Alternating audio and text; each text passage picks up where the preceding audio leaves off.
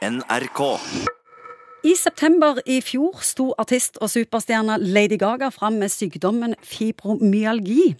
Og det har hun til felles med 100 000 nordmenn.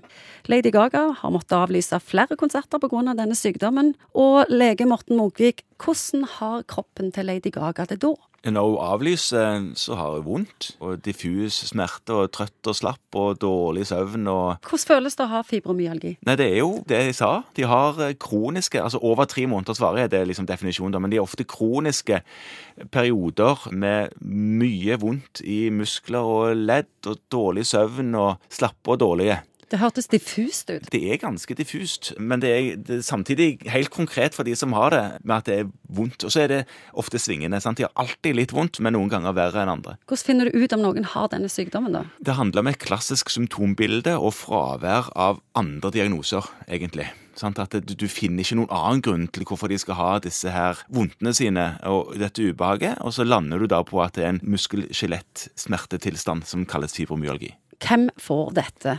Alder og kjønn? Ja, Det er stort sett kvinner, iallfall langt hyppigst kvinner, og de er fra 20-årene. Fra 20-årene opp. Ja, ja. Og så har det vært mye fordommer knytta til dette. Hvorfor er det så? Ja, det var jo en periode spørsmål om dette her fantes, om det var Hva var dette her for noe? Er det bare en Var- unnskyld? Akkurat som ME er nå, liksom? Ja, litt. Eh, selv om ME er jo òg nesten forbi det stadiet. Vi skal ikke snakke om ME nå, men fibromyalgi var nok det som ME var for litt siden, ja. En sånn rynke på nesen-greie på at "Nei, kan dette være Vi finner jo ingenting galt. Kan dette Tøyser du? Sånn. Bare slutt å eh, oppføre deg som om du har så vondt. Bare tren mer. Gjør noe. Ikke være så pysete. Ikke være så pysete, ja. Men det går ikke. sant? Det er ting her som man ikke klarer å få identifisert ordentlig, som gir de de symptomene de har. Og da tolker jeg det sånn at da blir du ikke frisk av det heller, når du ikke vet mer enn dette. Det har vel skjedd at folk har blitt eh, så lite plaga at de vil kalle seg sjøl friske, men det klassiske er at det, det kommer og går i perioder, og at de alltid har noe. Og så er det litt sånn, tror jeg iallfall, at um, det er kvinnesykdommer, og det blir ikke alltid så høyt prioritert heller.